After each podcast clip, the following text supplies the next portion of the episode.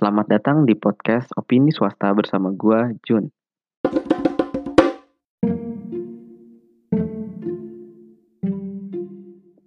Uh, di episode kali ini gue bakal ngobrolin soal topik yang mungkin sebenarnya udah pada tahu ya, yaitu tipikal-tipikal achiever menurut opini gue. Jadi gue setelah lama duduk di bangku perkuliahan, gue berhasil mengambil parameter bahwa sebenarnya achiever itu cuma ada dua tipe yang gue lihat ya secara general dan bukan spesifik. Kembali lagi ini cuma opini, jadi kalau nggak setuju ya nggak apa-apa. Jadi yang pertama itu menurut gue tipikal achiever yang nunjukin siapa dirinya dan orang lain juga tahu nih orang sehebat apa gitu. Istilahnya kalau gue bilang orang-orang yang famous atau hits banget terhadap achievementnya. Uh, achievement yang gue maksud itu bisa aja lomba, bisa aja organisasi, bisa aja conference internasional atau malah ikut-ikut kerjaan yang prestisius banget lah. Pokoknya intinya famous. Kembali lagi kata kuncinya famous. Di sini tuh biasanya orang-orang tipikal kayak gini itu bakal ngemunculin kata-kata kayak siapa sih yang nggak tahu si anggap saja mawar? Siapa sih yang nggak tahu si mawar? Si mawar kan jago banget nih mata kuliah ini ini ini udah pastilah dia jadi konsultan agensi magang misalnya di konsultan A atau misalnya wajar lah Mawar menang bisnis case karena kan dia jago ini ini ini. Biasanya kayak gitu. Itu ciri-ciri yang paling kelihatan ya. Terus kalau kita lihat ke Instagram itu biasanya mun suka muncul nih story-story yang nunjukin bahwa dia tuh sedang lomba dia tuh sedang menang lomba ataupun dia sedang mencoba tabah karena dia kalah di lomba A misalnya. Kayak gitu.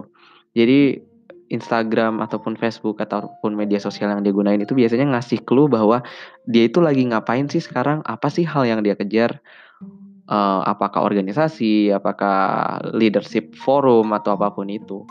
Itu pasti aja ada tanda-tanda. Kayak misal kalau kita pernah lihat ya, orang-orang yang suka snapgram ruangan gitu, itu kayak udah tanda-tanda, oh dia nih kalau antara jadi peserta seminar yang ngisi acara ataupun MC antara tiga itu misalnya.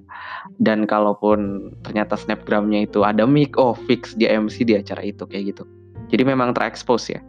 Kayak semua orang tahu misalnya kalau misalnya di jago MC si Mawar pas orang punya acara atau apa pasti Mawar yang dikontak kayak gitu. Itu sih benefit yang didapat sebagai orang yang sangat terekspos uh, dulu gue pernah punya temen yang sangat mengekspos ya dia lagi ngapain dan menang apa. Sehingga kayak achievementnya dia itu orang-orang lain juga sampai apa hal gitu di luar kepala coy. Kayak iya kan dia udah pernah menang bisnis case ABCD terus dia pernah MC di acara ABCD seakan-akan kayak lu nggak perlu ngomong prestasi lu apa orang-orang kayak udah tahu ah dia emang jago kok MC gitu. Mungkin kalian juga bakal ngeliat kok di kuliah orang-orang yang kelihatan banget lah dan ciri-ciri selanjutnya biasanya dia suka ngeluh hal-hal yang ke arah ke arah achievementnya. Misalnya aduh gue capek banget nih research tentang ini. Wah udah. Antara lomba kerjaan dosen atau dia jadi konsultan nih antara itu cuma antara itu. Terus kalau misalnya di kedai kopi dia kelihatan sibuk banget dan kita udah ngikutin Instagramnya pasti kita langsung mikir oh nih orang nih kayaknya lagi sibuk proyekan nih. Wah gila emang jago banget. Dan muncullah pujian-pujian di sosial tentang dirinya. Itu biasanya ciri-cirinya. Bahwa dia itu sebenarnya achiever yang memang terekspos publik karena dia yang mau. Gitu. Kembali lagi ini ciri yang ciri-ciri achiever tipe pertama yaitu famous dan banyak banget orang yang tahu achievementnya dia. Karena dia juga nunjukin gitu Nah, tipe yang kedua, ini nih mungkin yang kalian jarang ketemu ya. Yaitu tipikal yang diem-diem tapi sniper gitu. Maksudnya mereka nggak kelihatan sangat achieve achievement oriented gitu, nggak kelihatan. Tapi ketika kalian telusuri lebih dalam tentang orang itu, ya achievementnya udah di mana-mana coy. Kayak gitu.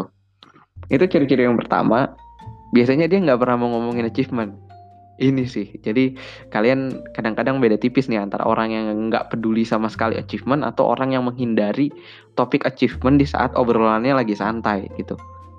bukan karena dia nggak mampu achieve sesuatu tapi memang dia merasa saat ini bukan saatnya untuk membicarakan betapa hebat dirinya gitu jadi ketika misalnya kalau kalian punya temen nih pas kalian ngomongin lomba apa gitu kalau dia kayak kelihatan gerak-geriknya udah bosan banget kayak pengen ngomongin yang lain gitu beware aja. Siapa tahu dia ternyata udah pernah ikut lomba yang sejenis dan menang. Kita nggak tahu atau dia udah bosan menang di lomba itu. Bisa aja kan. Karena gue punya teman banyak yang udah bosen lomba sehingga kayak mandang orang-orang yang lagi pengen lomba itu kayak ah ya udahlah dia kan belum pernah ya udah biarin. Selama dia nggak ngajak gue lomba gue fine. Kalau dia ngajak gue lomba duh gue bosen banget lomba gue pengen yang lain apa kek gue pengen tidur gitu. Biasanya gitu. Jadi orang-orang tipikal ini adalah uh, biasanya orang-orang yang kontra dengan tipikal orang-orang yang merasa dia harus produktif. Karena orang-orang yang achievementnya diam-diam itu udah ngelakuin kerja keras jauh sebelum orang-orang produktif itu sadar bahwa gue harus produktif. Kayak gitu. Dan ini bakal kalian temuin di kuliah apabila kalian ngomong sama orang yang bener biasanya biasanya tipikal achiever kayak gini itu nggak akan bisa selalu nutupin achievementnya. Pasti ada aja saat di mana dia itu keceplosan gitu. Ngasih tahu kayak aduh gue capek nih. Tadi malam baru ngerjain paper. Eh paper? Enggak maksud gue ngerjain tugas. Nah itu udah indikasi bahwa sebenarnya dia itu ambis ngejar lomba misalnya. Kayak mawar. Cuma bedanya dia itu nggak mau ngomongin achievementnya di luar di luar occasion yang pas lah menurut dia gitu.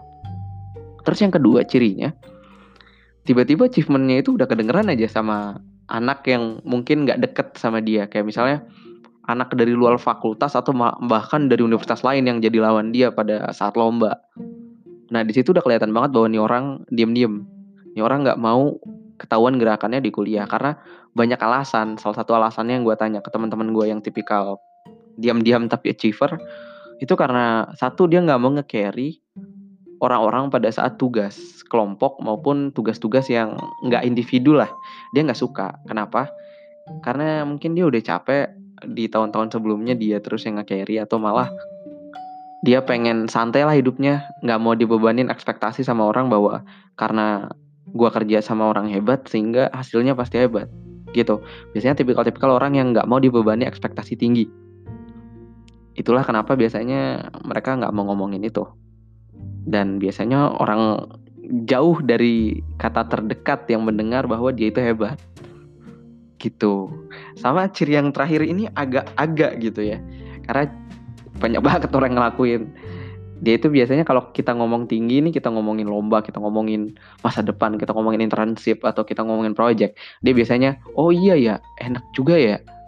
Hmm kayak gitu kayak kesan kesannya kesan bosen dan kesan mengiyakan aja. Itu memang sih beda tipis antara orang yang bosen dan orang yang memang diam-diam achiever. Tapi coba kalian lihat matanya antara mata bosan atau mata menghindari kontak mata tuh ketika dia menghindari kontak mata ya udah fix. Dia udah ngelaluin semua itu. Dan dia bosan ngedengerin topik itu. Gitu. Tapi kayak disadvantage jadi orang tipikal kedua ini adalah biasanya kebanyakan orang itu ngerendahin orang ini. Contoh uh, biasanya saat kerja kelompok di saat dia mampu nih dia mau nge-carry nih pada akhirnya dia mau nge-carry. Nggak ada yang percaya karena dia nggak pernah nunjukin siapa dia gitu dan ya orang-orang yang tipikal satu biasanya bakal ngomong ke orang tipikal dua. Kalian harus branding. Kalian harus gini gini gini gini gini gitu. Sebenarnya kembali lagi ke privasi masing-masing atau ke kebiasaan masing-masing ya. Kalau memang dia udah lelah sebelum ada di posisi ini tentang ngomongin nge-carry dan di-carry ya dia bakal tetap aja diem gitu tetap aja santai. Karena ya kembali lagi semua orang punya preferensi masing-masing privasi diri masing-masing sehingga kita nggak bisa bilang yang mana lebih baik dan yang mana lebih buruk. Begitu juga untuk orang-orang yang ngomongin branding. Uh, hidup itu bukan soal branding diri menurut gue hidup itu adalah gimana caranya kita tuh bisa bermanfaat bagi orang lain. Entah branding kita mau bagus atau mau jelek. Karena di Indonesia ya yang gue lihat kecenderungannya adalah orang-orang selalu ngomongin branding branding dan branding. Value value dan value tentang diri. Dan menurut gua apa ya nggak seharusnya lu memaksain kata-kata branding branding branding itu ke orang-orang yang tipikal dua. Karena tipikal dua bisa aja orang yang lebih tahu branding daripada lu dan dia emang nggak mau ngomongin itu. Jadi untuk kalian yang ngedenger sebagai anak kuliahan tolong jangan pernah paksa teman kalian untuk branding diri ya. Bisa aja dia tipikal dua yang udah ngelakuin branding diri sejak dulu mungkin. Dan dia sekarang cuma mau branding yang lain aja gitu. Bukan mau branding bahwa dia itu achiever. Karena jadi achiever itu sebenarnya nggak gampang ya. Uh, banyak teman gue yang juga merasa terbebani sama ekspektasi masyarakat terhadap dirinya kayak dia emang di organisasi yang masyarakat banget lah intinya. Tapi dia suka ngerasa nggak enak karena dia sebenarnya nggak mampu ngelakuin itu. Cuma karena branding dirinya over banget gitu ya akhirnya semuanya berharap ke dia. Contoh-contoh ini yang simple nih.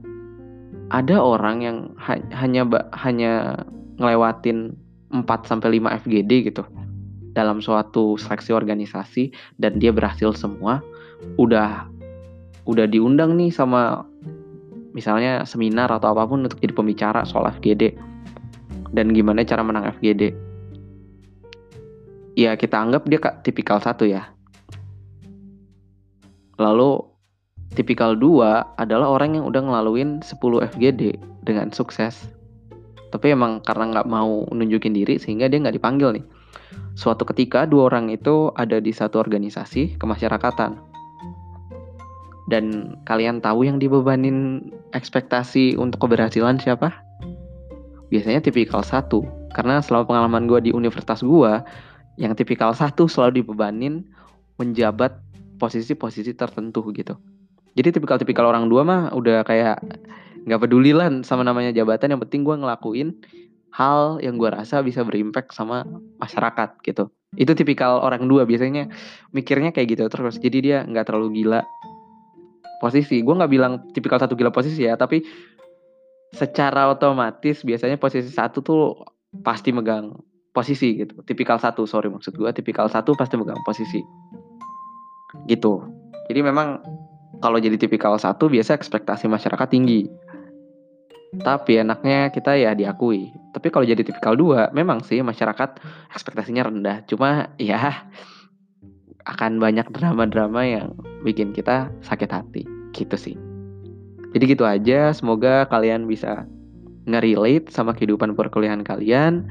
Dan gue berharap bahwa kalian nggak langsung ngejudge nih orang kok hidupnya gabut amat ya Kembali lagi coy, ada dua tipikal yang gue bilang soal achiever. Oke, gue Jun, pamit undur diri. Sampai jumpa di episode selanjutnya.